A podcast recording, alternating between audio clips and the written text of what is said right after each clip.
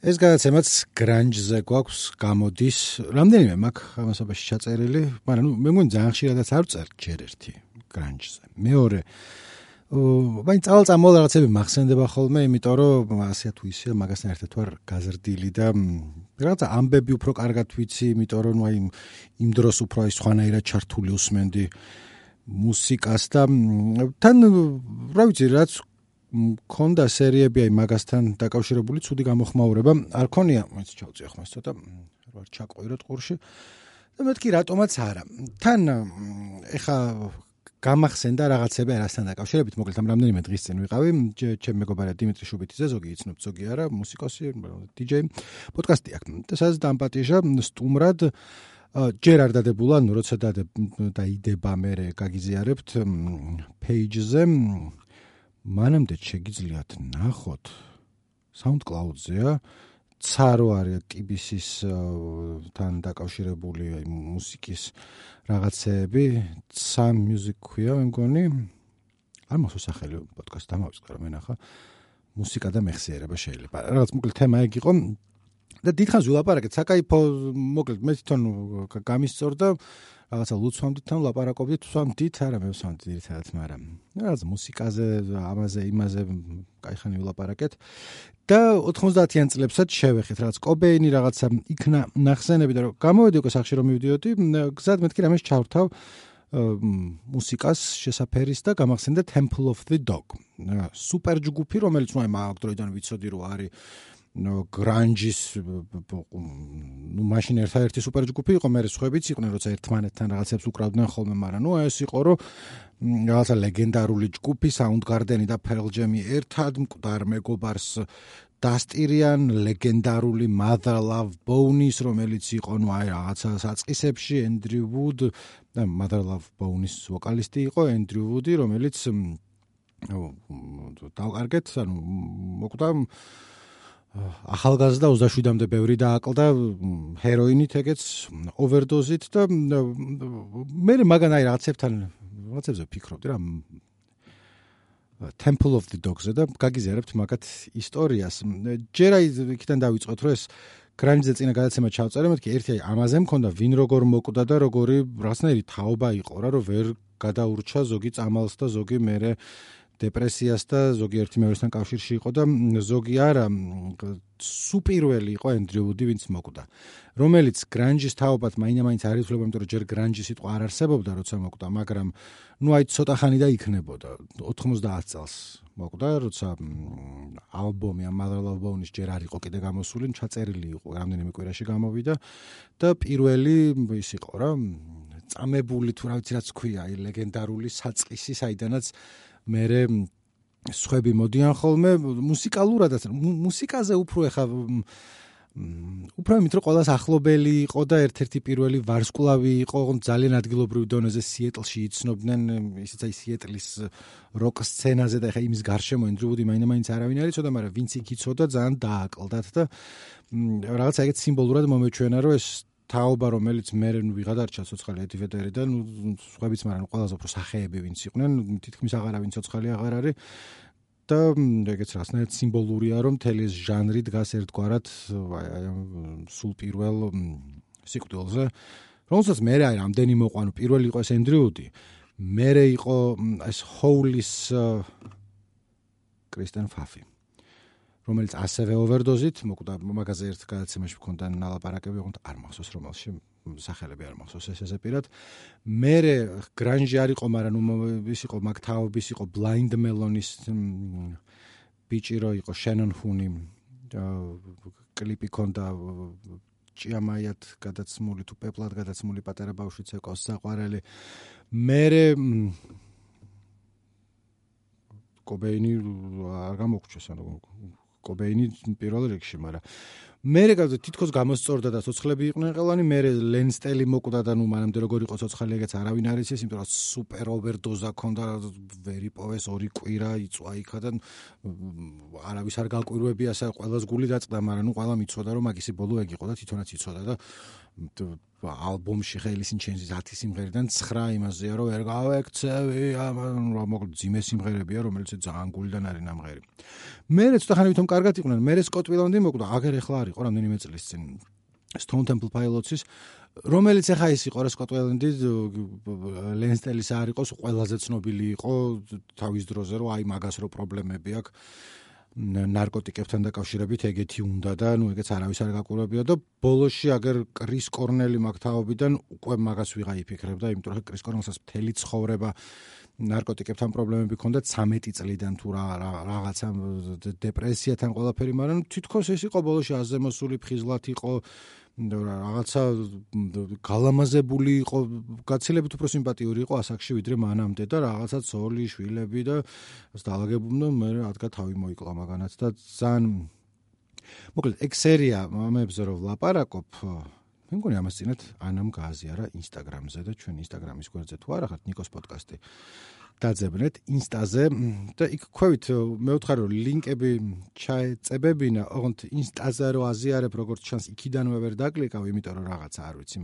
მაგრამ ნუ იდეაში კომპიუტერიდან თუ შეხვალთ კოპი პეისტით გადაიტან თუ მოგინდა თუ არა და ისე რა რა ვიცი. მოუბრუნდეთ ისევ ამ ჩემ Temple of the Dogs, რომელიც ხო თქვი რომ აი ითვლება რომ არის სუპერ ჯგუფი, მაგრამ მე რო გადავხედე არანაირი სუპერ ჯგუფი ეგ არ ყოფილა. ყოველ შემთხვევაში თავიდან როცა ჩამოყალიბდა, დღევანდელი გადმოსახედიდან არიანო კლიპი არის ბოლოში გავუშვებ ამ სიმღერას Hunger Strike, Chris Cornell და Eddie Vedder იმღერიან და უკან დგანან ნახევარი Soundgarden და ნახევარი Pearl Jam-ი, მაგრამ მაშინ როცა ეს სიმღერა ჩაიწერა 1990 წელს. არა არც ერთი მაინა მაინც ცნობილი არ ყოფილა რა. მიუხედავად იმისა, რომ ეს იყო აი მიჯნაზე, რა ქვია, რომ მაშინდელი სიეტლის სცენა, ის სასტავი ვინც იქ იყვნენ და ის სხვა სხვა ჯგუფები ვინც იყვნენ, აი ორი წლის მერე იყვნენ ყველაზე უფრო მეინსტრიმული და მთელი 90-იანი წლების საუნდი მაგათი გაკეთებულია და რა ვიცი, ყველა მანდედან იყვნენ და თან მე ეხა დაუფიქრდი, როგორ პატარა სცენა იყო, რომ ყველა ერთმანეთს ახლობელი იყო, ყველა ერთმანეთს იცნობდა, იმიტომ რომ სიეტლი კი არის დიდი ქალაქი, მაგრამ ну ახლა წარმოგიდგენთ მსგავსი ბენდები მსგავს კლუბებში გამოდიან ერთ-ერთად ცხოვრობენ სვამენ ერთად თუხთუხებენ და თუხთუხი მომეწონა სიტყვა. თუხთუხ. მოკლედ ეს დიდი თუხთუხი იყო თავიანთი პონტი ქონდათ აი გრძნობდნენ რომ აი რაღაცა ეს ქონდათ უნიკალური საუნდი თუ პონტი მიღწეული მაგრამ ჯერ იქ არ იყვნენ რა. ნუ მაგ დროს ყველაზე უფრო გაკაჩული ვინც იყო აი 90 წელს როცა ეს Temple of the Dog-თან მივდივარ იყო Soundgarden-ი კრის კორნელი იმიტომ რომ ქონდათ კონტრაქტი დადებული შედარებით შედარებით კი არა major labels რო ქვია ხოლმე რა ნუ დიდ ხმის ჩამწერ სტუდიასთან და მაგასთან დაკავშირებით იყვნენ განცდებში. განსაკუთრებით კრის კორნელი იყო განცდებში აი კობეინისებურში რა რომ მაგათი პანკ ფესვები იყო სადაც სიეტლში ხალხი აა ესე პატარა კლუბებში მაგრამ ნუ მაინც რა და მე თუ შენ გვიღალატე შენ პანკის სულის კვეთებას უღალატე მაშინ ეგ იყო რა და თვითონაც ეგრე ფიქრობდნენ კრის კორნელის განისტიდა მაგამბავს ხო როცა შეხვდნენ მან დავართ ეხა ორი წამი ვილაპარაკოთ ამ Mother Love Bone-ზე. Mother Love Bone იყო ჯგუფი, რომლის ლიდერი და მთავარი ტიპი და რომელიც ყველას უყვარდა და რომლის სიკვდილსაც განიცდიდნენ იყო Andrew Wood, რომელიც ეხა მოყოლით ამ ყავს ნახიან სუ გარშემო ტიპები მაღაზე ყვებიან რომ იყო აი რაღაცნაირი შუშხუნა ცოცხალი ტიპი როკსტარივით მოქონდა თავი რაღაცნაირად იცვამდა სიეტლში რომ მაშინ არ იყო მოდაში სიეტლი ცოტა უფრო სვეცკი რაღაცნა ჰიპსტარა ქალაქი იყო თუმცა მაშინ ალბათ ამ სიტყვას არ გამოიყენებდნენ და ამას რაღაც უფრო გლემ თავზე სათვალე კეთა და რაღაცა მხიარული ტიპი იყო და მე კორნელი ამბობდა რომ აი როგორც მოკვდა ოვერდოზით ჯანკი არ იყო ანუ პრობლემები ქონდა ნარკოტიკებთან მაგრამ ნუ აი რაღაცა ვერ წარმოგვედგინაო რომ ეგრე იქნებოდა ხა. მუსიკას რაც შეეხება რომ გითხრათ რომ ჩაგირთავთ რა. აა ცოტა გადავახო. Stop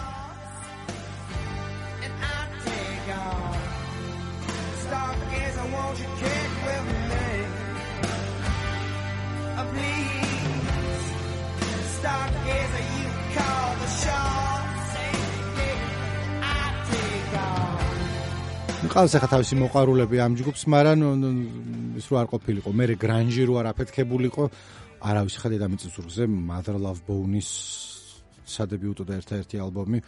ერთადერთია თუ არა კი არ ვიცი შეიძლება მე სიკვდილის მე რაღაც გამოუშვოს მაგრამ ვერ წარმომიდგენია მე მაგ ჯგუფის წევრები Pearl Jam-ი გახდნენ და ალბათ ის ერთი ალბომი აქვს Apple მეტი არ გამიგია თუ რაც B-side-ები ან რაღაცა არ არის მე კიდე გამოსული. ხო და მოკლედ Pearl Jam-ის ხალხი ვახსენე და მე ვინც Pearl Jam-ი ჩამოყალიბა ნახევარი იყო Mother Love Bone-ში, ანუ ამ Wood-ის მეგობრები იყვნენ. მე მგონი მაკრედი არისო გიტარისტი, რომელიც ამ დროს შემოუერთდა, ანუ Temple of the Dog-ში იყო, მაგრამ ეს კი უნდა ჩამეხედა წესიერად რა, მაგრამ ეჭვი მაქრო ეს უთან მაინდა-მაინც არ მეგობრობდა. ვინც მეგობრობდა იყო კრის კორნელი, რომელიც თავის ჯგუფში იყო Soundgarden-ში, მაგრამ roommate-ები იყვნენ, ერთად ცხოვრობდნენ და ძალიან ახლო მეგობრები იყვნენ. კრის კორნელი იხსენებს რომ Soundgarden-ით რაღაც ტურნეში ვიყავით და ნუ უკრავენ ჰედლაინერები არ არიან, ვიღაცების გახურებაზე გამოდიან ხოლმე, მაგრამ უკვე ტურნეში დადიან და რაღაცა ჩანს, რომ რაღაცა წარმატებას მიაღწევენ. დაახლოებით რა პერიოდიას ვისაც Soundgarden-ი გიყვართ, არის აი Louder Than Love-ის ჩაწერამდე შეიძლება ცოტა ადრეც კი ან რაღაცა მაგ დროს და Louder Than Love არის მეორე ალბომი, რომელიც ნუ უფრო პირველი ალბომია, იმიტომ რომ მაგის წინ არავის არ აქვს მოსმენილი საერთოდ. ოდა მოკლედ კრისკონმა ძალიან განიცა და იყო რაღაცა და ბოლოში ყובה რომ აი რამდენიმე კვირის მერე ორი სიმღერა დავწერეო. ოღონდ დავწერე იმენა ენდრიუძე, აქამდე კონკრეტულად ადამიანზე არასდროს არ დამიწერეო და ნუ ისემ ტკიოდა და მაკლდა რომ რაღაცა ნუ სიმღერები მიუძღვნა სიმღერებს ერქვა Say Hello to Heaven და Reach Down. და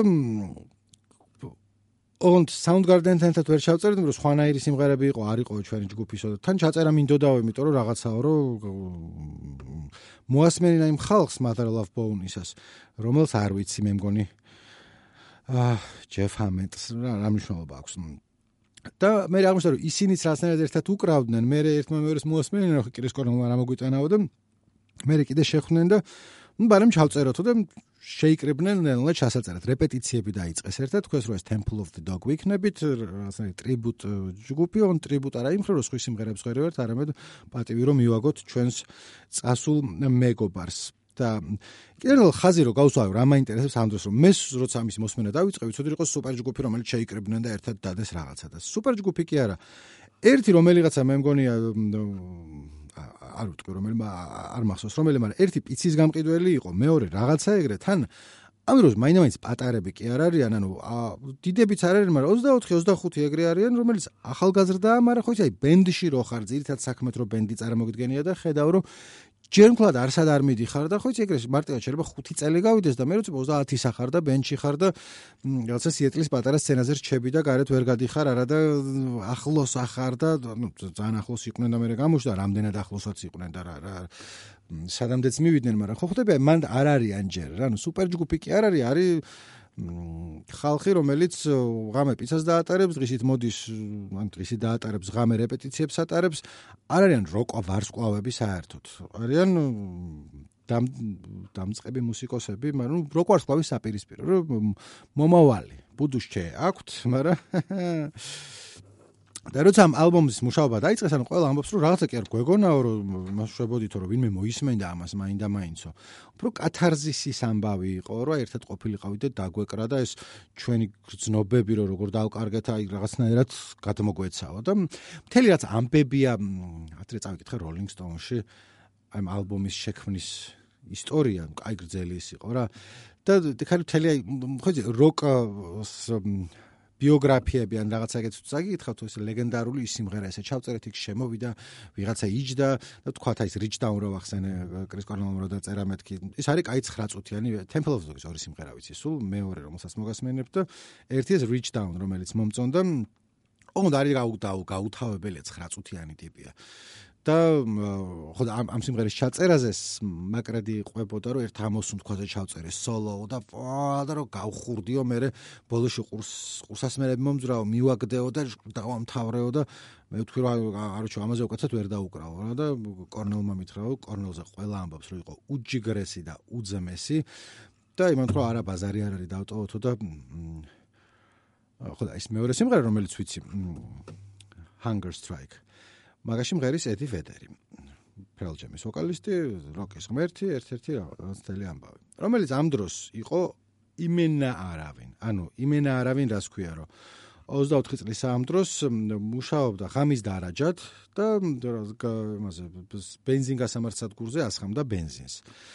და ცოტა ხნის წინ წაიკითხეთ გაზეთში განცხადება, რომ ახალი ჯგუფი ეძებს ვოკალისტს, ჯგუფი რომელიც მე ფელჟემი გახდებოდა და ჩავიდა სიეტლში, იმიტომ რომ არ იყო სიეტლიდან. სიეტლელიც კი არ არის. ნახდი სიეტლელები შემოგვასხდნენ თავზე ვეტერები და ასთე შემდეგ. და მოკლედ ტესტზე მივიდა, რაღაცა თავის სიმღერები ქონდა დაწერილი ტექსტი, იმათ თავიანთი მუსიკა ქონდა და დაევასათ ერთმანეთი, თუმცა ჯერ ოფიციალურად მე მგონი არც არის ჯგუფში აყვანილი, ჯგუფი არც არსებობს, შესაძლოა Pearl Jam ეხლა იქნება და რაღაც რეპეტიციობენ, მაგრამ ესეთი მომენტი აქვს, რომ ჩამოყალიბება მოხდება თუ არა ჩვენი შერწყმა. და სხვა სხვანაირად იხსენებდნენ ამ ამბავს, მაგრამ ნუ ისეთი პონტი რომ თქვა Pearl Jam-ის რეპეტიცია მორჩა, მე Temple of the Dog-ის დაიწყო, ეს კრის კორნელი მოვიდა და ღმერთო რა ქვია იმ კაცს რომელიც იყო ჯერ მისი დრამერი და მე გახდა მეტ კამერონი. ჩავხედე ხარ გამახსენდა მე თვითონ მეტ კამერონი იყო Soundgarden-ის დრამერი, Pearl Jam-ის დრამერი. ხო თქვი ყველა ძალიან გადაბმულია მეთქი ერთმანეთთან. ნუ მაშინ კორნელთან ერთად იყო და მოგეთ მე მოდიოდნენ ესენი იწებს დაკვრას Temple of the Dog-ი და სიმღერებს უკრავენ და 9 სიმღერა უკვე ჩაწერილი აქვს და კორნელი ამბობს რომ მე 1000 გვინდოდაო რომ რაც ალბომის გავდესო რა 9-ო ცოტა იყო. და ეს 9 სიმღერა, მე-9 სიმღერა, უბრალოდ მე-10 სიმღერა არის, მანდ ყველაზე ცნობილი, რომელიც არის Hunger Strike და სარეპეტიციოში არიან და ეს კორნელი მღერის, თუმცა არ არის კმაყოფილი ამ სიმღერას, I'm going hungry, I'm going hungry. I don't mind stealing bread. ამ დროს მორცხვად კუთხეში იჯდა ედი ვედერი, რომელიც წამოდგა, მივიდა მიკროფონთან და იმანაც დაიწყო სიმღერა, I'm going hungry. და კორნელ მოხრება იმღერეო, ბაზარი არ არის და ერთად ჩაწერა ეს სიმღერა ეგრე. და მას მე აი გულის ამაჭუყებელი რა არის, რომ კრის კორნელი რომ მოკვდა რაღაც ხნის მერე ქონდა ედი ფედერს ინტერვიუ რადიოში იყო მისული რა და რა რა მაგაზეც ყვებოდა რა როგორ განიცადა ეგა იმიტომ რომ უფროსიც მასავით იყო ჩემთვის თან მანდ მოყარო ნახევარი ძმა დაეღუპა ერთი წლით ადრე და მაღაზე ძალიან გაგიჟებული იყო და მე კრის კორნელის ამბავი რო გაიგო და თანონუ ძალიან წინდაო იმიტომ ეტირებოდა ლამის ეყვებოდა ძალიან ეტყობოდა რა რომ ძიმეთ იყო. პროდუქტ მე მგონი ცოტა ხნის წინანდელი ის არის ეხა ვნახე ამისთვის რო ებზადებოდი. მეთქი ედი ვედერონ კრინ კორნ კრის კორნელ რა თქვა მეთქი და თუ არ ვწდები ზუმით აქვს ჩაწერილი. ანუ რაღაც შეიძლება შაშანდელი იყოს ხო და მოკლედ ყვებოდა რომ ძალიან გულიდან მსწავრო 10 წელიო წესერად არ მყავდაო ნახე რომ ხვდებოდითო მაგრამ რაც აი კონცერტი რაღაცა ერთმანეთთან და ისე აღარ მეგობრობდითო არა და თავის დროზეო ნუ მაგან მიპატრონა მაგრამ ხა სხვები წყვებიან მაგ დროისან 90 წლის ამბავს რომ ეს ედივედე რომ ჩავიდა იყო რაღაც მორცხვი იყო სადღაც სანდიეგოდან არის სიეტლს არიცნობს წესიერად და კრის კორნელი იყო მაგაც სასტავში ყველაზე უფრო როგორც უკვე გითხარით რაღაცა ბენდი რაღაცას წარმოადგენდა და უკვე ლოკალური როკსტარი იყო. და რაღაცა ლუდზე დაყავდა რაღაცებს უყვებოდა გაჩითა მოეშვა ესა და ყველა ის ამბობდა რომ როგორ დამეგობრდნენ და ესეთი ეტერიც მე ძალიან განიცდიდა რომ აი მაშინ როცა უკვე როკსტარი იყო დროს აი ვატარებდითო ესე არაფერიო რა რაც ცეირნობდითო ერთადო და რაც იაფლუც სვამდითო და ძაღლებს ვეკიდებოდითო და ჩემც დიდი ამბავი იყო რომ კაცო როკვარს კლავიაო და ჩემთან ერთად რაც იაფიან ლუდებს ურტყამსო და ძაღლებს ძაღლებს მივდევთ რა კი არა აწვალებდნენ რაღაც წვიმაში ძაღლებთან ერთად დავრბოდითო რა უცნაურია რა ეგეც ალბათ კორნელი არ იყო ფხიზელი მაშინ. ედვედერი იყო თითქმის სულ ფხიზელი, ანუ ალბათ გასინჯული ექნება იქ სიეტლში იყო ჰეროინის ეპიდემია, ეყარა. ვისი სიმღერა, კაბუს სიმღერა, ჰეროინი თავს თუ რაღაცა ეხდებოდა რა. და ნუ ვედერი შედარებით ხან ფედერს ვამბობ, ხან ვედერს ვამბობ, იმიტომ რომ არ ვარ დარწმუნებული რომელია სწორი. ორივენაირად მომისმენია, ვ არის ალბათ უფრო სწორი, მაგრამ ფსაც ვიტყვი და მიჩივლეთ სადაც გინდათ. 100 წელი.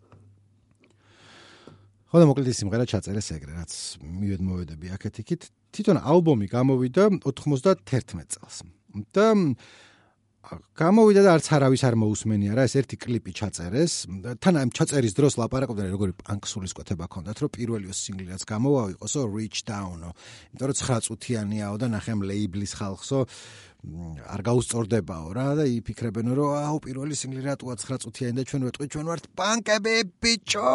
9 წუთიანი სიმღერა fuck you ექსულის კვეთება ქონდათ და ნუ მე ჩაწერეს კლიპი ამ Hunger Strike-ის, რომელიც რავი, MTV-ზე გააგზავნეს და არც არავის არ უნახავს მაშინ მას მერე. ეს არის 91 წელი და ამ დროს პარალელურად Pearl Jam-ი წერს თავის პირველ ალბომს Tense. Soundgarden-ი წერს Bad Motor Fingers, ანუ უკვე ჩაწერილი აქვს და მალე გამოვა.